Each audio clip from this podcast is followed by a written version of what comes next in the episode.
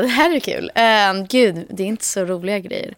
Man måste tänka honung, ingefära, så här typiska så här, handdukar, um, Cola Zero. Och med, med gammal så brukar vi faktiskt ha, be dem eh, ljumma en flaska Hennessy. så att vi måste hitta det efteråt. Um, så när vi var i Motala så, var de, så sa de faktiskt efter vi hade giggat, de bara, ah, men fan eh, vi har gömt en flaska Hennessy. Så här, vad, vill ni leta eller vad vill ni göra? Så att det är någonting lite roligare som vi gör. Men annars det typiska, det är verkligen tråkigt. Alltså det är så här proteinbars, alltså verkligen supertråkiga grejer. Jag önskar att det var någonting sjukt, men nej. Väldigt städat. Ja. ja. Men vad är det konstigaste gömstället då som du har hittat den här flaskan på? De la det bakom en, men så här, typ värmegrej bakom en gardin och alla vi sprang runt och det var som påsk. Det var, det var skitkul faktiskt. Vem kom på det här? Det är Pontus. Det är Pontus. Jag tror att han, han vill lite så här, den här drömmen om att vara rockstjärna och komma till varje stad och bara, ah, nu, vi, nu ska vi dricka Hennessy. ja. Men eh, känns det som en dröm eller eh, lever ni inte drömmen? Liksom? Det är klart man gör det, men det är fortfarande, jag tror att det, det är självklart. När jag kollar på mig själv, om jag tänker på Peg typ 12 år, då är det ju absolut drömmen. Alltså verkligen. Men jag tror om man, i verkligheten så är det ju väldigt mycket jobb. Det är väldigt mycket cred som man inte får, respekt som man inte får eh, och mycket som man jobbar på som inte ens kommer ut, som inte ens... Alltså allting som vi vill släppa och jag vill släppa eh, det rimmar ju inte alltid med kulturen och liksom Spotify och allt vad det är. Så att det, det är drömmen, verkligen. Det är klart, alltså, man älskar ju att göra musik och få vara, stå på scen och träffa alla fans. Men det är också väldigt mycket jobb. Väldigt mycket svett och tårar och ja, alla de där klyschorna.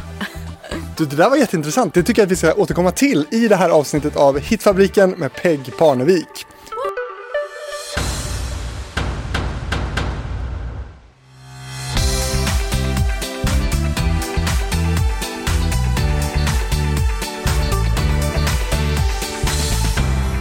Du, 24 år Peg, eh, Riks FN-festivaler, Allsång på Skansen, Årets nykomling på P3 Guld, topplistelåtar, en duo, radiohits, podcasts, tv-serier, reality. Det, det, är mycket nu eller? Det är mycket, det är mycket. Men ändå inte tillräckligt känns det som. Det känns som att det, det är så konstigt för att jag ibland när jag kollar på bilder eh, och tänker tillbaka på alla minnen så känns det som att fy fan vad jag har gjort mycket. Det är ändå sjukt att på sån kort tid. Jag har sån sjuk åldersnoja så att jag, jag känner mig jättegammal. Um, apropå bandet gammal. Det är väldigt mycket så nostalgi och prestationsångest. Um, men jag har gjort jättemycket men jag känner fortfarande att jag har så mycket kvar att göra. Jag tror inte att jag kommer vara nöjd förrän Nej, jag tror inte att man är aldrig, man är aldrig nöjd som kreativ person. Men jag tror faktiskt inte att jag kommer vara nöjd förrän jag har nått någon sorts topp som bara existerar i mitt huvud. Men typ så här klyschiga grejer, så här Madison Square Garden vill jag verkligen göra. Det är en sån grej. Och så här Globen såklart, Way Out West, uh, ja allt sånt där. När gör du det då? Ah, jag gör det väl, eh, ja nej jag har sagt, nu blir det så här jättekonstiga tider men jag, jag har satt 2020, 2021 lite som så här byggår. Att nu now or never, nu ska vi utanför Sverige. Jag har börjat jobba lite mer i Norge, Danmark, lite sådär. Men jag vill verkligen signa med ett amerikanskt bolag, liksom göra hela den grejen och bara känna att nu kör vi. Mm. För jag känner, även om jag, det är ju, jag är så tacksam för allt jag har fått göra i Sverige så känner jag fortfarande att jag har gjort det mesta. Man kan ju bara göra allsång så många gånger. Mm. Um, Mello har du inte gjort? Nej, Mello har jag inte gjort, men det kommer jag nog inte göra. Men eh, jag var nära på att göra det faktiskt. Men... Vad va, va, va, va, gjorde att du inte vill göra det? Ah, jag vet inte, jag satt på mötet och var så här, ah, ja då kör vi då. Um, och låten, jag, jag sa ja, eller skulle säga ja för att låten var så o-mello.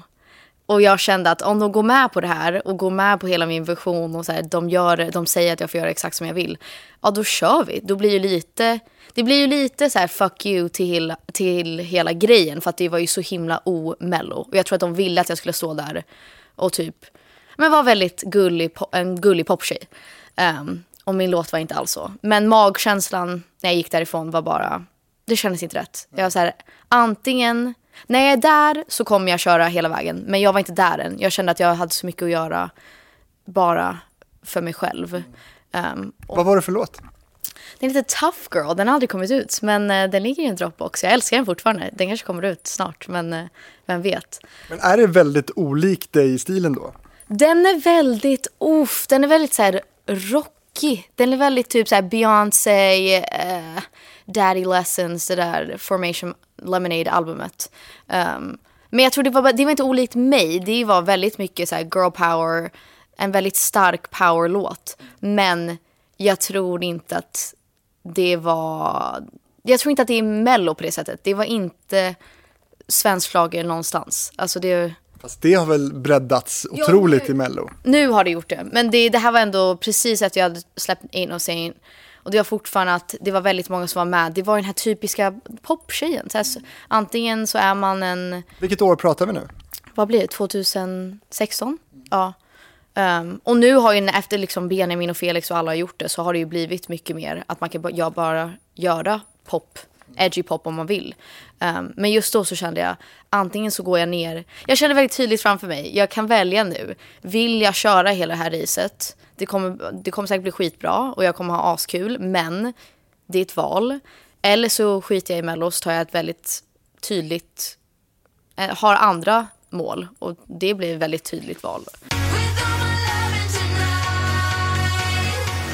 Jag är ändå glad. Det hade varit kul. Nu när jag skrivit en låt till Mello så känner jag, vi skrev till Sigrid Bernson. Det var, uff, det är riktigt, det verkar askul men alltså pressen bakom scenen. Alla springer runt och skriker och svettiga och jag stor, har stor respekt för alla som gör det men we'll see.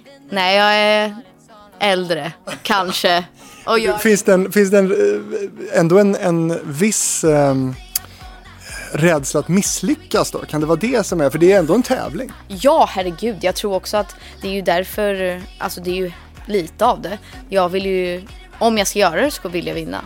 Och då kommer jag ju bestämma mig för det. Men eh, det är klart, om man har inte låten rätt och det finns andra som har bättre bidrag. Det är ju också sjukt läskigt. Och sen när man väl ställer upp och säger ja men nu kör jag hela mellogrejen och bara rakt in i det och så misslyckas man. Det är ju jätteläskigt.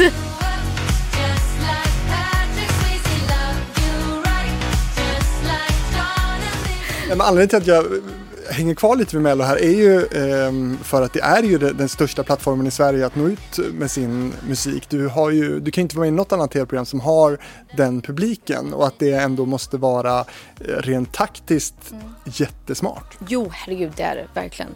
Och jag tror, fast det, det jag kände när jag släppte in och sänkt, det var samma vecka som finalen i Mello.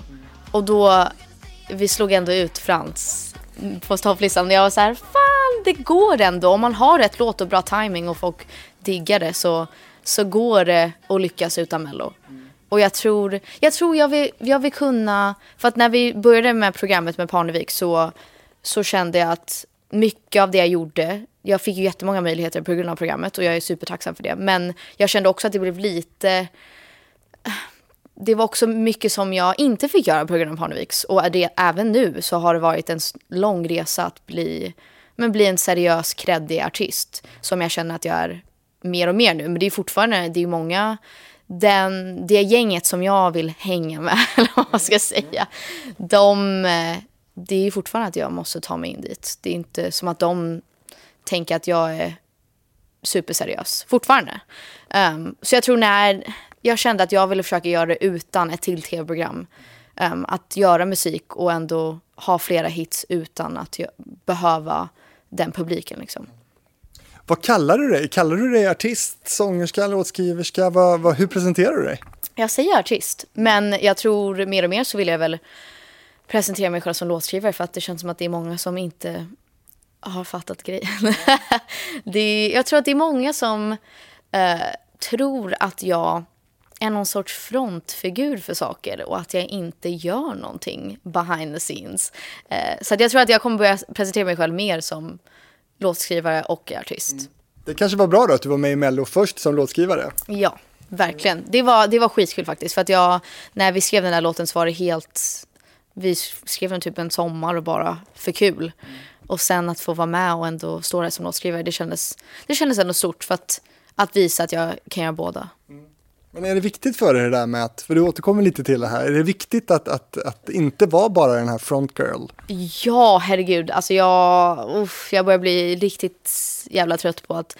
Jag tror att det är jättemånga med gammal, det var därför vi släppte det anonymt, tror verkligen att det är Pontus som gör allting och jag sitter där och är söt. Eh, och ja, jag, även kollegor, även liksom andra artister eh, har sagt sånt. Så att jag och det är när man, när man är, vill ändå vara en stor del, att jag är liksom 120% involverad i allt jag gör. Um, nu har jag börjat släppa på det lite att okej, okay, jag måste inte skriva alla mina texter själv och jag måste inte göra allting. Men uh, jag vill fortfarande, det är en stor grej för mig att vara en del av processen. Mm. Och jag vill börja producera och göra hela grejen. Så att det jag tycker att pop speciellt, det är så här, om man kollar på alla stora pophits så är det ju typ 20 låtskrivare. Och jag tycker det är lite nice att Taylor Swift, hon skriver typ allting själv. Um, jättemånga sådana stora artister som ändå började så och sen släpper man in folk sakta men säkert. Men jag, jag tycker det, jag, jag vill, jag älskar att skriva låtar och skriva in general. Så att men visst är du också lite varsam med dina samarbeten? Du, det, det, är inte vilka som helst du släpper in. Nej. Ja, I början så skrev jag bara med två eh, låtskrivare. Erik Levander och Josefin Glenmark i typ två år. Eh, det var väl trygghetsgrej och att jag har lite så här social fobi. Så att, men också för att jag kände att det, vi skrev liksom Ain't No Saint, We Are, eh, New York, Stockholm Nights. Alltså alla låtar tillsammans och det känns som att vi bara hade en flow. Och varför förstöra det? Men jag tror att sen gick vi in i en vägg lite och kände att ah, vi behöver fresh energi och bara kunna, och jag måste kunna utvecklas som låtskrivare. Ska vi börja lite från början? För jag tänker så här att du är ju, du slog ju igenom då i, i Parneviks eh, och du har ju eh, rötter i, i Florida. Mm. Eh, och då tänker jag så här, när du hör talas om det som slarvigt lite kallas då för det svenska musikundret, mm. vad är det för dig? Alltså när jag, det är väl okej, okay. när jag växte upp så var det ju väldigt mycket, i mitt huvud så tänker jag ju direkt typ Robin, eh, Tove Lo, eh, Iconopop, sådana. Men när jag växte upp så var det ju mer, vi lyssnade ju väldigt mycket på med Veronica Maggio, så här sommarlåtar, Håkan Hellström, eh, ABBA såklart. Men det är ändå sjukt om man tänker på hur mycket, alltså min uppväxt det var verkligen jättemycket svensk musik utan att jag ens visste att det var det svenska popundret. Det är ju, man tänker ju inte direkt på Robin och alla dem. Och, Vem var det som presenterade den här svenska musiken för dig då? Det var mamma och pappa och va, ja, varje sommar, vi var ju bara här på somrarna, så kom man ju hem och så var det alltid alla vänner skulle alltid lyssna på så samma fem låtar. Eh, och det var ju alla, alla sommarhitsen som kom. Som var så här, ja men välkommen in Veronica Maggio. Eh, nu minns jag det. Fan vad bra Jakob Karlberg. Alla sådana där som man bara, fan vad alla våra vänner går och sjunger på det här. Det här måste vara det som gäller nu. Mm. Så att det, det var mer det. Men det var konstigt, man fick ju inte en sån stor eller vi, vi lyssnade bara på det som våra vänner och typ mamma och pappa lyssnade på. Så att det var också, när vi skulle köra första gammalturnén så skulle vi köra en cover. Uh, och så skickade jag en massa till Pontus och jag var så här, jag har liksom inte koll om det här är kredit eller vad. Så jag föreslog så här, ja, massa låtar som jag skäms. Oh, vilka? Nej men, ah, jag har säkert en lista. Men så här, låtar som jag tänkte, vadå det här är ju de som alla kör på varenda sommarfest. Så här, Hooked on a feeling och typ eh, vad är det, Kung för en dag, eller Kung i baren, alla de där. Och Pontus bara, men det här eh, är inte riktigt gammals stil, det är inte superkredit. Och jag bara, jaha, jag tänkte bara, ja, kung, kung, kung i baren, de där låtarna och så här. Ja, men... Och göra en remake kanske på, i gammal stil. ja, men vi gjorde faktiskt, vi gjorde en cover på Ted Gärdestad. Och det var ändå, det kändes väldigt fint och väldigt gammalt så. Men eh, ja, jag har inte, eh, verkligen inte koll. Nu har jag bättre koll, men då när jag växte upp så tänkte jag, ja, ah, mamma och pappa lyssnar på det, det här måste vara coolt. men du, nu blir jag jättenyfiken på hur dina lyssningsvanor ser ut och vad, vad lyssnar Peg på liksom? Oh, ska vi se, jag kan ta ja. fram min lilla lista. Också sådär, jag måste också kolla i listan, för det är svårt bara top of mind. Så här. Ja, top of my head. Men lyssnar på väldigt mycket. Jag är en konstig, jag går i perioder där jag lyssnar på samma artist bara i typ en månad. Eller så lyssnar jag på eh, osläppta låtar. Men okej, okay, ska vi se. Vadå för osläppta låtar? Som du själv har gjort? Ja, mina och Gammals eh, osläppta låtar. Men jag lyssnar på väldigt mycket, väldigt mm, många kvinnor. Men min mood music playlist som det heter. Taylor Swift, Ariana Grande, Doja Cat, Dua Lipa, Georgia Smith, um, Rex Orange County, uh, ska vi se, ska vi se, Social House, Dominic Fike. Jag går verkligen i perioder där jag typ bara vill lyssna på så här pepplåtar och sen, alltså mina roots är ju verkligen i pop-punk. Det är det. Det är typ oh, mitt hjärta. All Time Low, Mayday Parade, My Chemical Romance, alla, alla de där. Ja. Har du någon rock i det också? Ja, jag växte ju upp med pappa som ändå... Ja, konstig koppling. Men han kände, kände fortfarande så jävla många så här, rockstjärnor. Så vi... Det var också en konstig grej. Jag förstod inte hur coolt det var förrän nu. Men att gå så på Roger Waters eh, spelningar och vi såg Kiss och ja, Iron Maiden. Eh, alla sådana där. Och man bara, ah, okej. Okay. Få träffa Nico McBrain. Det jag, jag har ingen aning vem det är. Men nu man bara, fan vad sjukt det var. Um, ja, men jag, jag, tror att jag har lite rockpunk i mig. Mm. Believe it or not. Eh, absolut, det, det, kan jag tänka mig. Men, men eh, om man säger så här då att när du då ska sätta dig, när du upptäcker att, att, att, att shit, jag, jag kan sjunga, jag, jag vill satsa på musiken. Eh, då antar jag att du måste, du måste ha suttit med någon, eller själv, och gjort någon slags mindmap på så här, hur ska mitt sound se ut? Nej, absolut inte. Oh my god, jag önskar att jag hade gjort det. Nu gör jag det typ varje dag och bara, vad vill jag göra för någonting? I du vet fortfarande inte? Nej, jag vet fortfarande inte det. Det förändras varje dag. Men det är därför det är skönt att vi är gammal, för att då är det så här, okej, okay, Peg popstjärna, Peg som är med gammal som bara har jeans och inte bryr sig. Men det, alltså hela, jag hatar att säga det, men det, det var väldigt mycket av en slump att vi ens, jag ens började släppa musik. Mm. Jag gick, pluggade, eh, gick på college. Um, bara tänkte typ, ja, men jag blir väl typ författare eller journalist eller någonting. och, och sen gjorde vi programmet och så pluggade jag fortfarande och tänkte, ja, vi gör det här programmet vid sidan om men det här är inte mitt liv. Liksom. Det här, jag ska ju fortfarande fortsätta plugga och mm. ha ett vanligt liv. Um, och så kom Jossan Glenmark och Erik Levander till Florida efter mamma och pappa hade sagt kan inte ni skicka över några låtar? Vi, vi märker att Peg vill sjunga men hon vågar inte riktigt. Hon vet inte vad, vad ska hon göra? Ska hon skriva låt eller vad gör man? Så de kom till Florida och så satt vi oss vid pianot och hon hade skickat massa låtar innan men kände... Det här är liksom privata bekanta ja, till er då? Exakt, exakt. Um, Jossan Glenmark är hennes föräldrar Ann-Louise och Bruno Glenmark är vän med min farmor och farfar. Och sen Jossan och hennes systrar är vän med min mamma och pappa. Så it's a whole family affair. Men, så de kom dit mer som privat bara. Det var inte någon tanke bakom det riktigt. Men så satt vi oss vid pianot och Jossan hade skickat låtar innan men kände att det är bättre att vi bara skriver från scratch. Och så skrev vi in och sen första vi gjorde.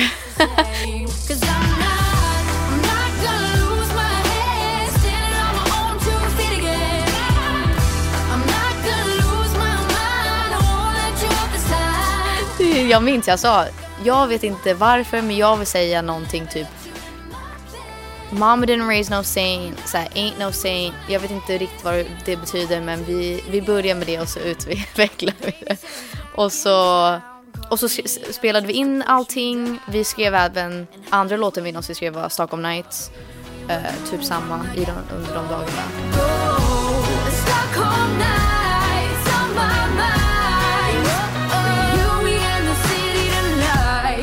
Sen gick jag tillbaka till plugget och bara ja, ja, kul med en låt som jag kan gå runt och typ träna till. Men... Ja, för om vi, om vi om vi stannar lite vid, vid Ain't Saint då, det är ju helt sinnessjukt. Det är den första låten som ni skriver och det blir din första låt som du släpper och det blir en hit. Ja, det, det var det som var så sjukt för att den, den satt liksom i en Dropbox-mapp och sen råkade Jossan spela upp den för några A&Rs och på typ en vecka så ringde alla mig och bara ah, Sony vill signa dig eller vill du signa med dem eller vad vill du göra? Och jag var så här, va? Jag, låt mig bara, jag ska till min, min så designklass, jag ringer efter.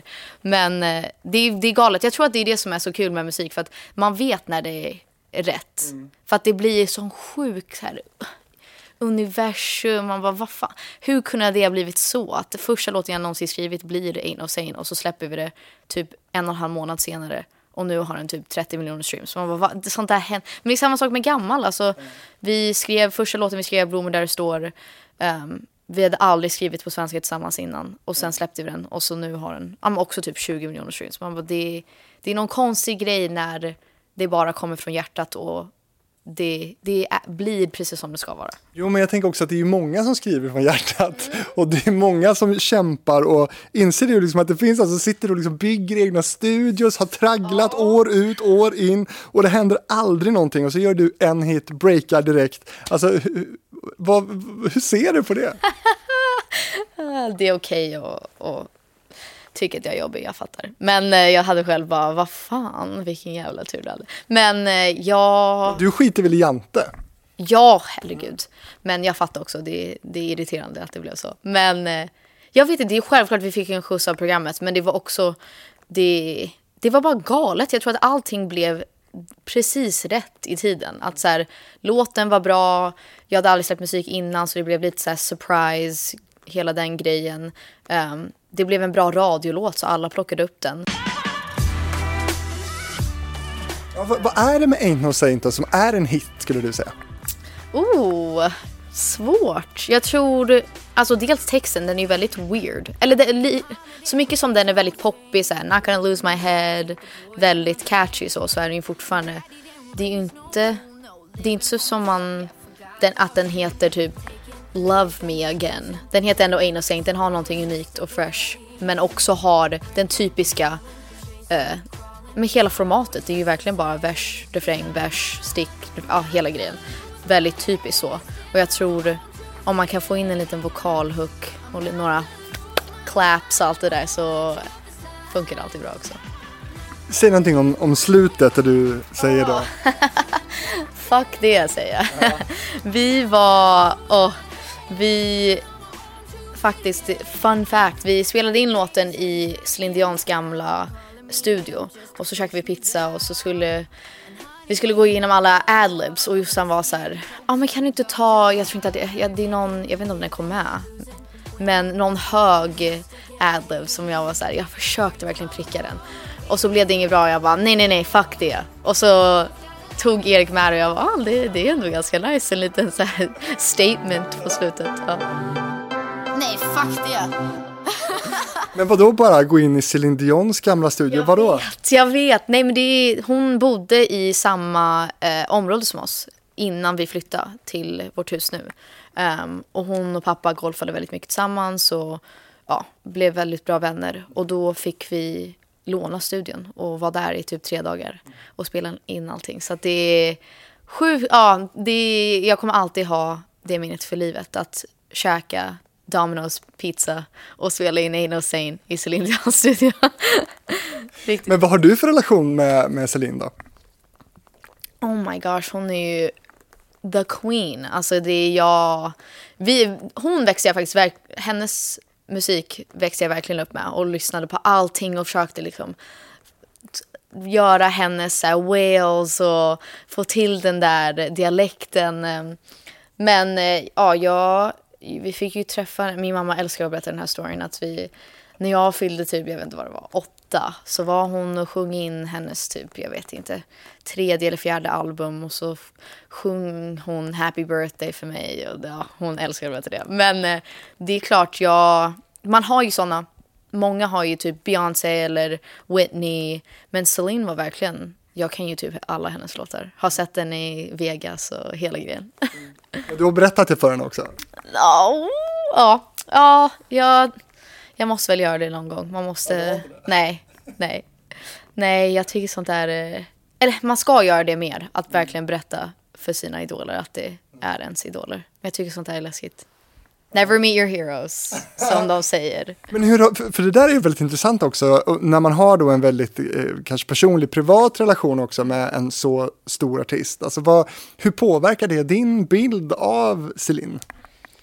Oh, jag har väldigt starka minnen av när vi... Hon var med på vår båt någon gång och hon pratade inte. Hon skrev bara på så här sticky notes. Um, och jag tror om någonting, jag var ju så liten, men så det är som typ alla man har träffat i livet, att man inser, och sen när man blir själv offentlig, så inser man ganska snabbt att det är, det är klart det är glamoröst, men det är väldigt mycket som man inte ser.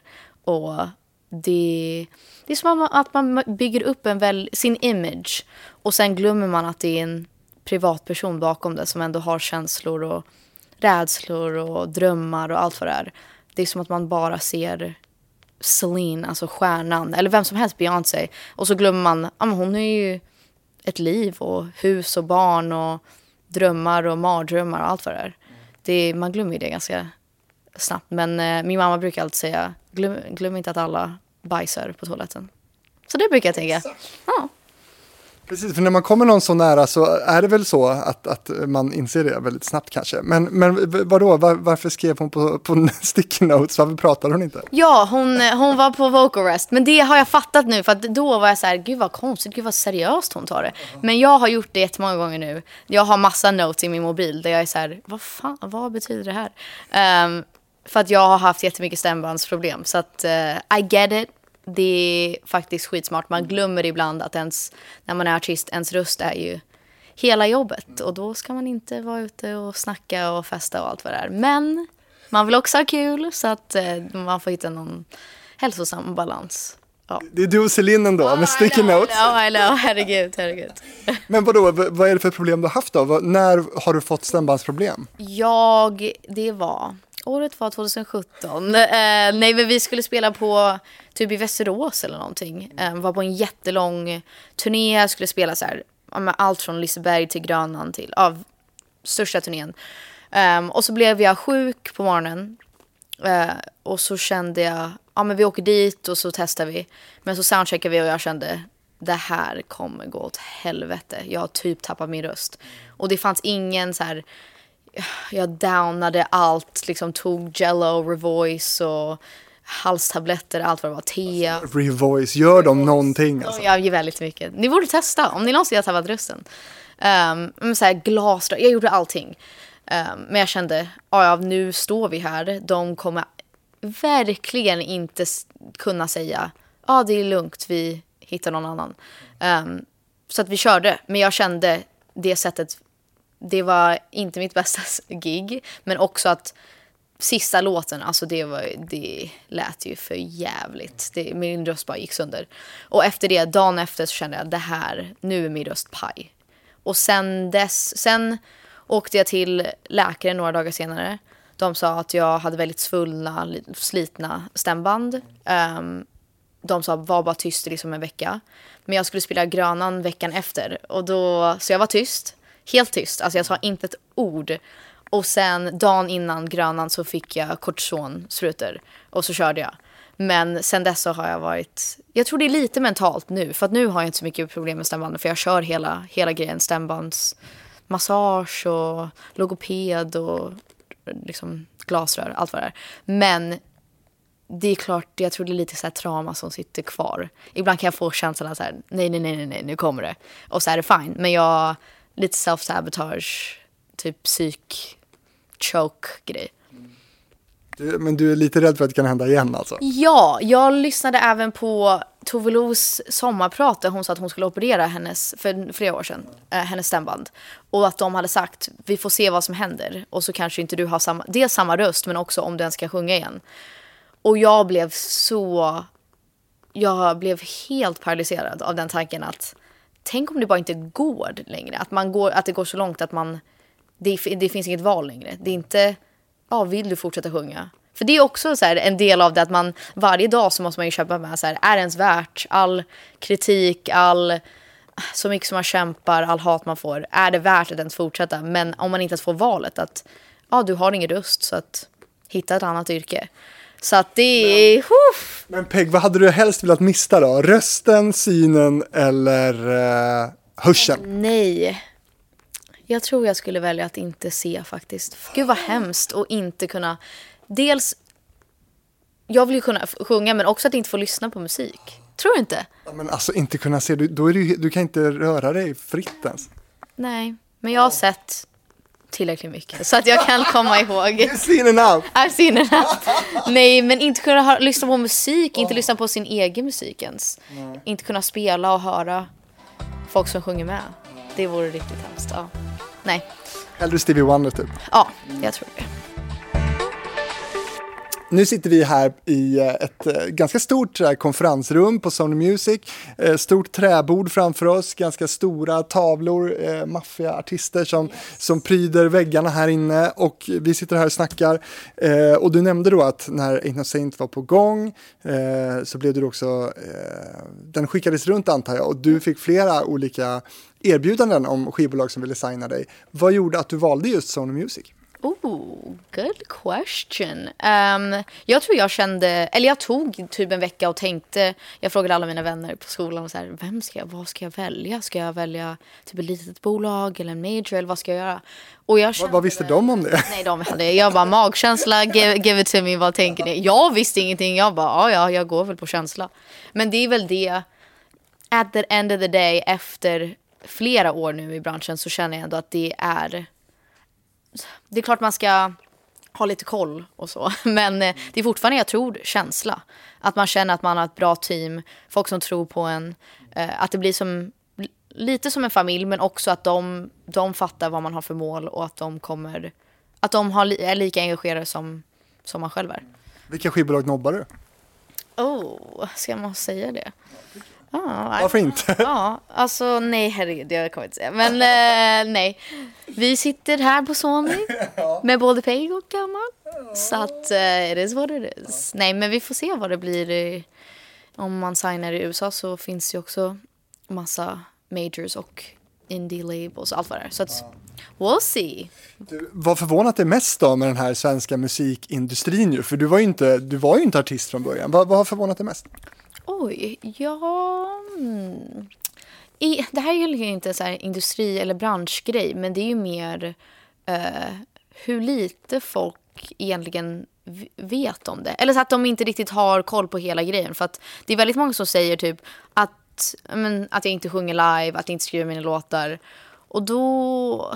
Eller jag har fått många typ under mina videos som jag postar någonting från en livekonsert att de säger att jag inte sjunger live. Och det tycker jag är asskönt för att jag hatar, alltså jag tycker det är jätteläskigt, jag har scenskräck. Det är mindre nu men så att jag har ju gått så här, jag går ju sångcoach och hela grejen för att bara känna att jag kan det här och att det inte, ja att det bara, det löser sig för att jag har jobbat på det här och det kan inte gå fel. Um, men sådana grejer att så här, jag lovar att ni skulle veta om jag lip-synced. Alltså det skulle vara väldigt tydligt. Och då skulle inte jag behöva gå runt med sån panikångest över det.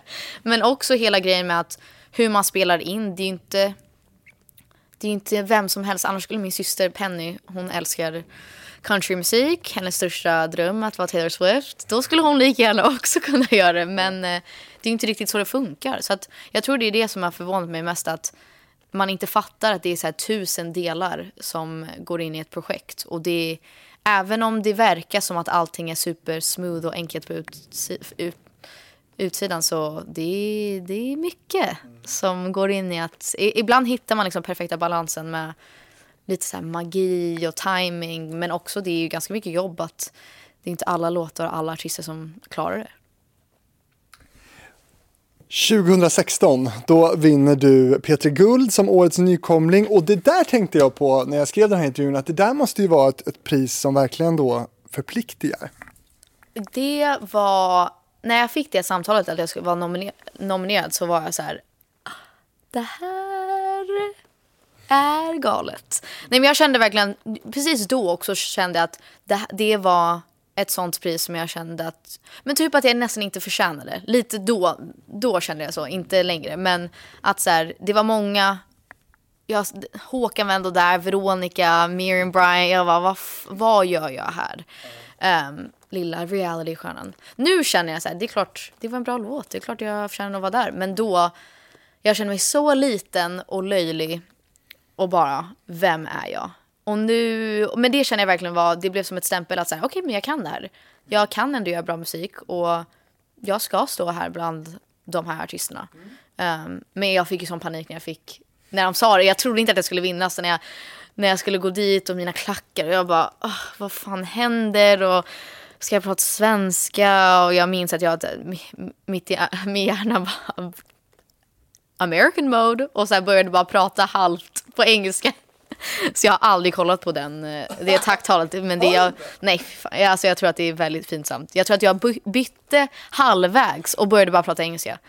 Jag var så nervös. Men du pratar ju sjukt bra svenska. Ja, nu, nu, men då var det mycket, ja, ja, jag tror jag har blivit bättre. Men också att jag ser liksom Håkan stirra mig rakt i ögonen och jag bara, vad, vad händer ens? Ja, men sjukt kul.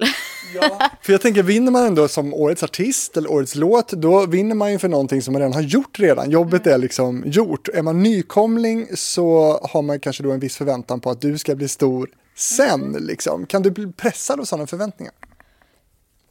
Ja och nej. Jag tycker det är skönt. Jag tycker det är mycket roligare att veta att man har, man har... För jag känner själv att jag har mycket kvar att göra. Så jag tror då när jag vann det så kände jag, det här är bara början. För att det var också, vi hade släppt vad? Tre låtar. Och sen vinna nykomling. Då är det så här, ja. Ah, I'm gonna show you guys. Nu ska jag bevisa vad jag kan. Um, hellre vara i en sån position än, inte som nu, men eh, jag känner ju fortfarande att jag har jättemycket kvar att göra. Men samtidigt så känner jag, gud vad mycket jag har gjort och sen måste jag outdo myself. Jag måste ju alltid tävla mot mig själv. Um, Men vad, tycker du att du har högt ställda förväntningar på dig?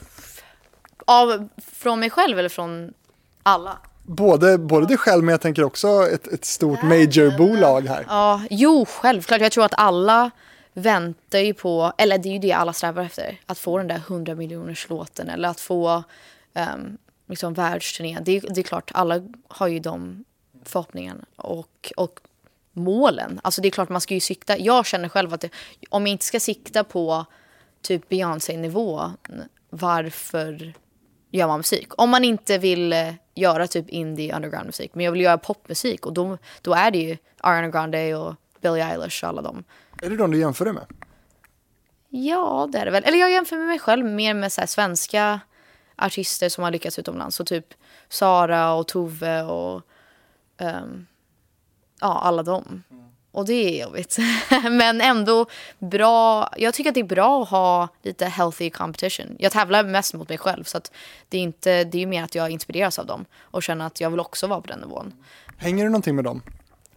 Eh, inte riktigt. Eller jag hänger lite med eh, Aino och Karo från Ikon. Eller man känner ju alla varandra. Men eh, jag... Ja, nu i karantäntider hänger jag inte med någon. Men... men Du hänger med mig. Ja, jag vet. Nej, men det är klart man känner ju alla. Man ses ju alla på samma event och festivaler och allt vad det är. Men någon som jag skulle vilja lära känna bättre är typ Tove Lo. Det är faktiskt det är många som har sagt att vi är lite lika. Um, och det tycker jag är en skitstor komplimang. Jag tycker hon är så jävla ball. Jag älskar det med henne att hon... Man märker verkligen så tydligt, även om hon är väldigt poppig, så är hon fortfarande så hundra, eller så här, tusen procent sig själv. Det, jag tror ingen går in och lägger sig i hennes liksom, singelval, musikvideoval. Det är väldigt mycket hon bestämmer. Det är hon som är bossen. Och jag tycker det är nice. Eller hur? Du, sen så händer det ganska mycket från början direkt. Du ger dig bland annat ut på en, en turné eh, och det som också blev en reality-serie då, Peg på turné. Och det har du sagt att det var inte det bästa beslutet. Va- varför? Jag har typ glömt att jag gjorde det. Nu tycker jag det är skitkul att kunna kolla tillbaka på. Men gud, varför gjorde jag det? Jag var redan så stressad och hade den pressen att åka på min första turné någonsin. Jag hade ju aldrig stått på scen. Alltså jag hade typ stått framför min farm, farmor och farfar. Och så tänkte jag, ja, vi filmar det här med tio personers produktion. Det blir skitbra. Har farfar gett någon input? Han har ju stått på scen. mycket. Han har gett, jag fick faktiskt en stor pärm av honom med alla, alla skämt jag kunde dra om det blev stelt. så här, om folk typ, ja, men så här, om folk snackade eller inte lyssnade eller om folk var fulla så att jag fick en hel perm. Har du använt den någon gång? Nej, eller eh, nej. nej, men typ man kan ju alltid dra, ja jag minns också min första öl, så här, en sån grej. Sa han att jag kunde ta. Om folk är dryga. Men Gud, Bosse Parnevik, Ka- ska vi säga något? Det kanske finns någon som lyssnar på det här som inte har en aning om vem det är. Kort presentation. Gud, vad har ni inte gjort? Eh, min farfar Bosse, han eh, Imitatör. imitatör, komiker, alltså han är väldigt musikalisk också. Hade Party hos Parneviks. Ja, vi skulle försökte, vårt program skulle ha hetat det men sen blev det inte så. men eh, han, om ni, ni får youtuba typ. Är du bra på att imitera också? nej, verkligen inte. Min brorsa är faktiskt det. Men eh, han hade en av, ja då på den tiden så var det ju typ största tv-programmet ever. Eller det var ju flera miljoner som kollade på det, unika tittare. Så att det, fanns ju bara en kanal dock. exakt, exakt, fanns ju bara en kanal. Men eh, så att, ja, Men han är ju jättekänd och stor. ja. Ja, han har gjort alla, ja, men alla presidenter, kungafamilj, alltså alla. YouTube that shit. Men eh, sen undrar jag lite, för att eh, ibland får du ju också kanske då höra att, att, att din framgång har mycket med, med din familjs framgång att göra. Då. Nu pratar vi om Bosse här och du har ju en känd pappa och så vidare. Eh, hade du fått chansen på samma sätt då utan pappa och kontakterna och kändisskapet som det förde med dig tror du? Mm. Jag vill tro ja och nej. Alltså det är klart, Ehm, efter vi gjorde programmet så hade vi ju väldigt många som följde oss redan. Så att jag, jag såg ju det som en möjlighet. Det var inte som att jag tänkte, ah, jag har gjort det här helt själv och byggt det från scratch. Det är klart jag fattar att det, nu har vi fans, nu, det är nu jag ska satsa. Men så mycket, alltså jag skulle ju skämmas om det var min pappa som så ringde runt till folk och bara ah Riks kan ni spela min do-" Alltså så här, det, går, det funkar inte så, annars skulle alla göra det. Ehm, men det är klart även att vi bara kände Jossan och kände Erik så blev det ju att Och Celine. och så, ja, och vi fick låna hennes studio. Men eh, det också, det, även om det hade, vi hade spelat in hemma hos oss så hade det fortfarande blivit samma låt typ. Men så att jag vill ändå tro att i en parallel universe att det skulle ha blivit så ändå. Um, och det var ju det som var hela grejen med Gammal, att jag ville släppa det 100% anonymt. Så att första radio fick inte ens veta, alltså ingen. Um, Men vi kan komma in på det, för 2019 då så, så, så kom då Gammal med dig och Pontus Pettersson. Eh, och ni ville just släppa musiken anonymt och, och det berodde alltså på det. Yes. Ja, jag kände, vi, jag och Pontus sågs sommaren innan eh, och jag och Pontus har varit på, han har spelat i mitt band och varit kapellmästare och skrivit låtar med mig och allt sånt där. Ehm, och så satt vi på en bar och så sa jag typ, vi var lite småfulla och jag bara, ska vi skriva på svenska? Bara för kul. Och så sågs vi i studion och så blev det, alltså på en sekund så allting bara fall på plats. Och sen några dagar senare så hade vi skrivit typ fem låtar. Um, och vi båda kände att det här går inte att pitcha vidare. Det här, alltså det, det känns för personligt och för bara, det, oss, liksom bästa vänner som skriver musik. Så att vi satt med det, vi gjorde klart allting. Vi försökte hitta ett namn. Uh, vi brainstormade så här, sound och hur vi ville att det skulle se ut. Ja, men allting. Och så kände vi, ja, men vi, vi, vi visar upp det här för skivbolaget så får vi se vad de säger. Men sen ganska snabbt så sa jag, jag vill inte att folk ska veta att det här är jag. För att jag, jag vill bara inte, speciellt att det är på svenska, jag vill inte att folk ska tro att nu kör Peg på svenska eller nu, ja, nu ska hon göra mello, nu ska hon bli helsvensk. Ja, alla så här förutfattade meningar. en tår för våra åtta Så när vi släppte Blommor där står, det gick ju riktigt långsamt i början. Det var ju, jag sa, ni får vara stenhårda. Alltså, jag vill inte ens att radio ska veta. Jag vill in, ingen får veta. Och då, första veckorna så var det ju, alltså vi hade ju typ några tusen streams. Och vi sa det innan att så här, vi tycker om låten så pass mycket att även om det blir hundratusen streams, det får vara så. För att vi vill få ut den här musiken. Men sen var det som att efter typ tre veckor så började folk plocka upp det och bara jaha vad är det här? Och jag minns att jag postade på min story en gång bland massa andra låtar och sa inte att det var mitt eller någonting men eh, jag känner mig så så här oh my gosh De vet inte ens. Men även nu idag, jag har så här vänners vänner som inte ens fattat det är jag. Det låter ju inte som PEG-projektet. Men, men det var viktigt för mig att ändå att det skulle vara, det är jag och Pont som har gjort allting och även nu att det är våra texter, det är verkligen det vi vill göra och att ja, det ska bara vara från hjärtat. Typ.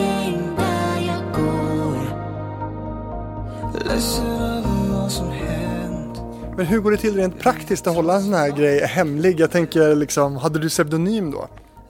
Eh, gud, ja. Jag tror jag står med på credits så att man kunde ha kollat upp det. Men vi bad teamet, jag sa till alla så här, ni får inte säga att det här är jag. Alltså inte med så här, press release, alltså ingenting. Eh, jag vill bara att det ska stå gammal. Och även första sommarturnén så förra året så sa vi, ehm, jag sa att ni får bara skriva då var det ändå lite mer känt att det var jag. Men jag sa att ni får bara skriva gammal ska medverka. Eller duon gammal. Men inte Peg Parnevik och Pontus. Utan jag vill bara att det ska vara gammal. När var det rätt tid att berätta då? Det var efter, jag tror att vi hade ändå fått typ så en miljon på blommor. Och så kände jag att ja, men nu har det ju gått, det har ju gått bra utan att det är jag. Eller missförstå mig rätt men liksom. I sår Ingen fattar hur jag mår Om det är blommor där du står Vem skyddar mig från regnet då? Folk fattar inte ens att det är jag. Ehm, och radio, P3 hade börjat plocka upp det och lite så. Och då kände jag, ja, eh, jag tror inte att någon bryr sig ens. Jag kan lika gärna säga att det, var, att det är jag. Vad fick du för reaktioner då? Mina fans blev skitglada. Men, eh, och även nu, alltså, det är alltid kul när någon skriver och så här, fan, är det du som är med i Gammal? Det hade jag aldrig tänkt. Eller det bästa är, ja, ah, jag tycker inte riktigt om Peg, men jag älskar Gammal. Så att, eh, det är kul. Alltså, jag tror det är bara positivt. Jag tror att det är många som har fått se en annan sida av mig. Och att det är väldigt, det är väldigt intimt och sårbart och så. Väldigt ärligt. Gråter i en Uberhem? Ja, det har man väl gjort, alla vi. jag som trodde, ja, jag trodde när vi skrev det så sa jag, när jag skulle sjunga in det så sa jag, hur ska jag säga Uber så svenskt som jag kan? Och Pontus sa att det lät svenskt, men nu i efterhand så har jag fått höra att det låter inte alls svenskt. Jag säger typ Uber, alltså jag säger ju inte Uber. Men, men jag försökte mitt bästa. Det, det där är lite svårt. Jag kan ju tycka då som svensk att det låter jättekonstigt om man ska säga Instagram istället för exakt. Instagram Ja, och sådär. Ja, det är svårt. Jag försökte, men eh, ja. Hur säger du Instagram? Eh, Instagram säger jag. Ja, the gram. Nej. the Ja, gram. men det låter ju bättre när du säger det. Tack, tack. Som du, som du ändå har de rötterna. Men du, eh, angående gammal då. Eh, om det hade floppat, då hade vi aldrig fått veta att det var du eller?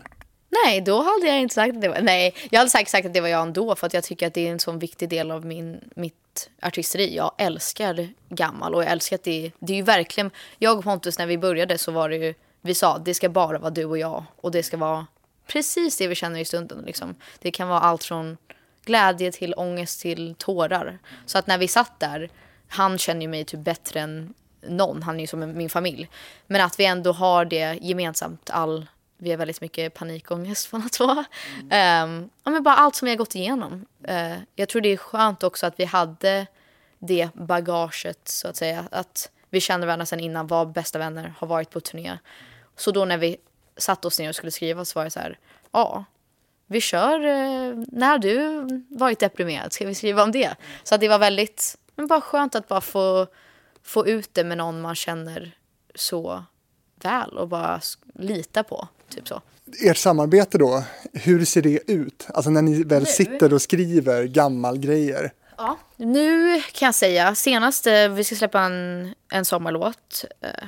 Ah, jag kan lika gärna säga vad den heter tror jag. Den heter Dum och kär. Um, och då, det var en konstig situation för att jag satt i USA och Pontus var här i Sverige. Um, och så skickade han ett track och sa, ja ah, men jag tycker om det här. Och så satt jag ner och så skrev jag texten. Um, och sen ringde vi varandra och filade lite på melodier. Och sen så tror jag att han sjöng in hans del och sen kom jag på massa andra grejer så skickade jag över bara massa röstmemos. Och sen när jag kom till Sverige så sjöng jag i min del. Så det var lite annorlunda. Men annars så brukar det vara, vi brukar börja med text och så säger vi, ja men vi, jag vill skriva om det här idag. Um, vad, eller du vet den här känslan när man typ är full i en park och är olyckligt kär. Kan vi skriva om det? Um, och så brukar jag börja med liksom en story och så skriver jag bara ner massa grejer. Eller jag brukar göra en Google Doc och bara skriva massa skit egentligen. Det kanske inte ens kommer med, men bara... Dagbok liksom. Exakt, och bara en, men typ om en rad, um, gråter i en Uberhem, kanske ger Pontus värsta idén. Uh, och så bygger vi kring det.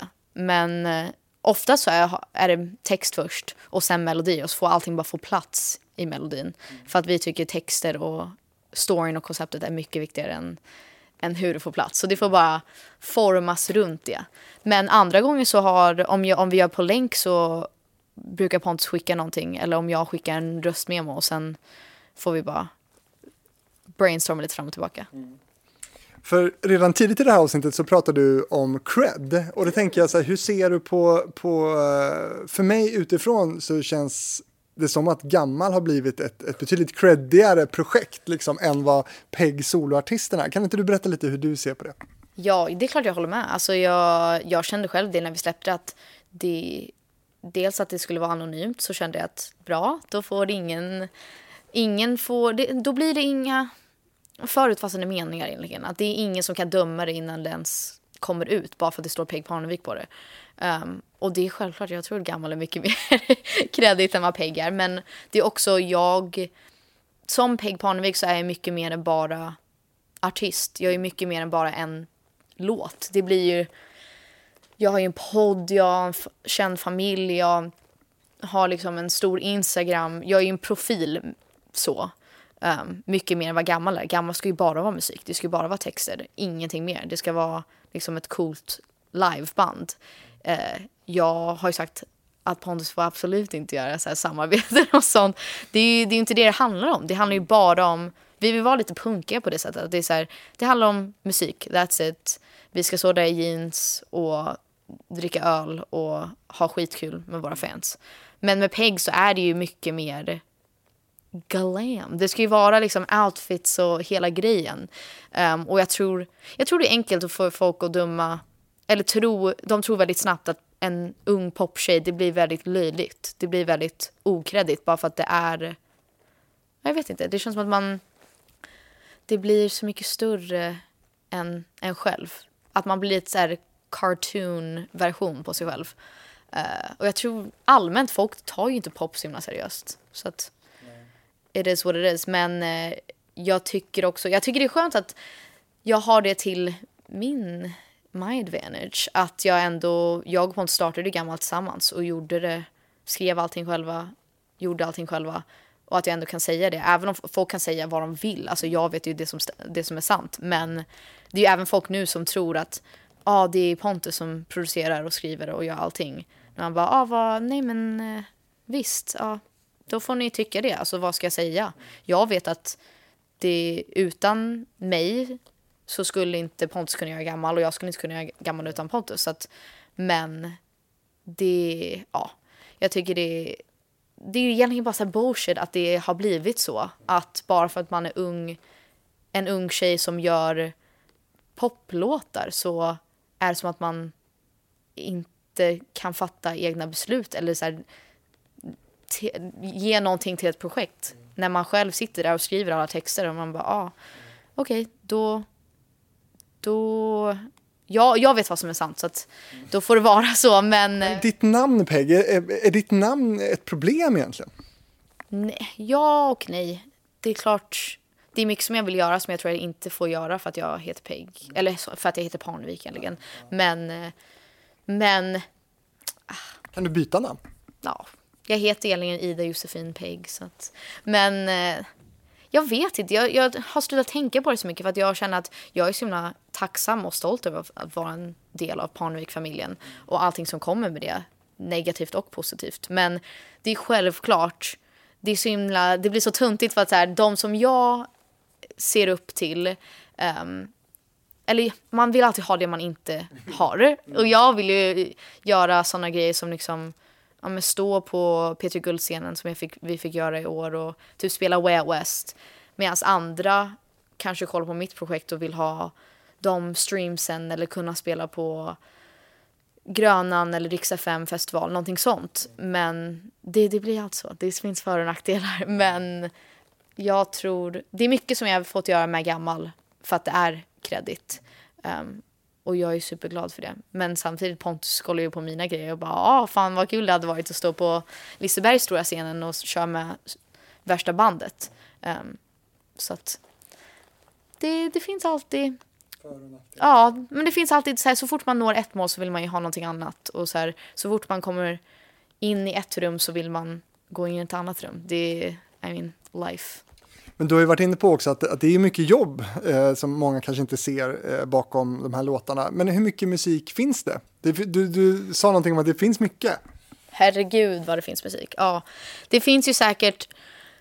Det finns väldigt mycket musik, men hur många gamla låtar finns det? Kanske vi har väl typ 20 låtar eller någonting. Eh, och det är bara med gammal. Men eh, med Peg, det finns jättemycket musik. Men jag har typ så 20 låtar som jag verkligen älskar och vill få ut. Men... Ja, när kommer allt det här då? Och vad är det som dröjer? Nej, det kommer en till låt eh, snart. Um, men det är det som händer med musik. Så fort man tror att man har hittat the one, mm. låten, så skriver man nytt och så hittar man en annan så här, partnership. Um, nu har jag börjat skriva mycket med Linda och Sonny Misli. Och jag älskar att skriva med dem. Och då blir det så här, det blir så när, när det är enkelt och allting bara blir bra. Mm. Så då känns det så himla självklart så här, varför inte släppa den här låten. Och så glömmer man alla andra hundratals låtar som man har i, på mejlen. Men jag vet inte, jag är i en period just nu där jag känner att jag vill få ut lite mer, lite ja, men typ som ett album, någonting lite längre. Um, men jag vet inte riktigt. Ja, det känns som att jag har hittat mitt sound. Allt från liksom Goodbye Boy till Loafers till Innocent. Det är lite full circle, känns som. Och snart kommer en sommarlåt som är lite så Loafers inspirerad. Men jag vet inte, jag vill få mer musik och visa att jag jag vill inte bara släppa singlar längre. Jag har haft en tendens att släppa en singel och sen typ vänta ett år och sen släppa en annan singel. Men nu känns det som att jag fattar, jag tycker om mitt sound som jag har nu men jag skulle vilja släppa men typ någonting mer balladigt, visa att jag har uh, lite dynamik. Vilken låt gör dig lyckligast att sjunga då? Oh! Oh, vad svårt, vad svårt. Jag...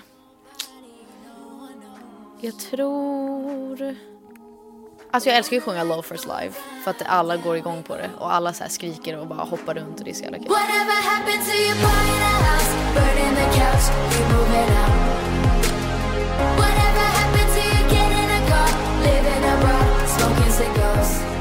Men eh, jag släppte en EP 2017 och det finns några riktiga bangers på den.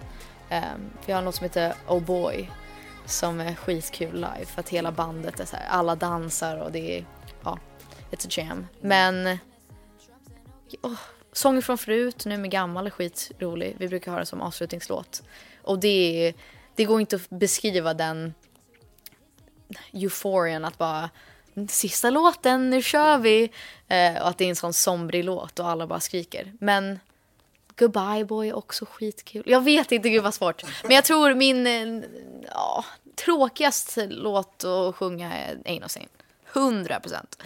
För den är äldst eller? Ja, för att den är äldst och jag tycker att nu, vi är i en annan era. Jag tycker Ain't no Saint-eran är tyvärr över. Det var ju, det är ju fyra år sedan. Ja, det, så är det. Du, jag tänkte bara säga det, du, du siktar större, du vill vidare ut i, i världen och sådär och redan nu har jag förstått på ditt team att, att uh, dina låtar är spridda över ganska stora delar av världen. Ni får så här klipp från, från någon som sitter och lyssnar på dig i något ja. varuhus i USA typ sådär. Ja, gud vad kul att de har sagt det, vad bra. Mm. Vad bra. Mm. Nej men det, det är ju skitkul, alltså jag tror att man glömmer också att att man att folk lyssnar på ens musik överallt. Bara för att det inte, man inte står på typ Coachella så tänker man att ah, det är ingen som ens vet vem jag är där. Och sen, så att det är ju skitkul. Mina vänner från skolan och college och allt vad det är brukar skicka och bara ah, jag gick in på så här Target och så spelar de din låt och ja. sådana grejer.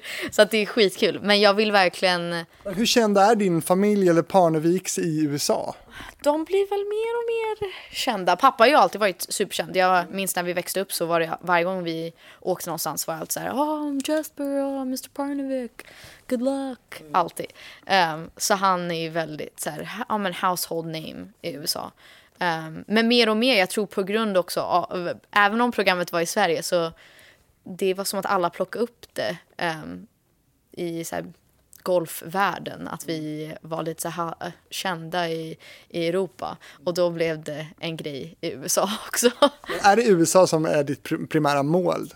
Yes, det tror jag. Jag tror just nu så är det väl um, lite mer men typ Norden, UK och sen självklart, alltså he- hela världen självklart. Men, men USA känns ändå lite extra speciellt för att det var där det är ju där jag växte upp och det är fortfarande hem för mig. Och det är där jag såg alla mina favoritband och gick på festivaler och ja, ändå så levde mitt liv till de låtarna. Så det känns som att det, det vore extra speciellt. Jag har ju suttit i den här podden med ganska stora artister, svenska artister som har varit ute i världen och, och verkligen gjort den här resan som du eh, förmodligen kanske har framför dig och som du vill göra. Eh, och då är det nästan uteslutande så att de kan berätta och ha erfarenheter av att de har blivit blåsta ekonomiskt på några olika sätt. Och då undrar jag så här, har du koll på din ekonomi här nu inför, inför vad som stundar? Det har jag väl. Det är väldigt... Ja. Det, det är tungt.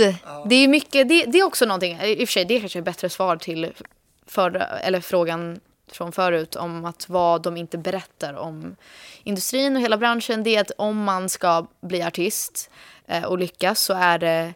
Jag skulle nog säga att det är typ 70 procent att man står för det mesta.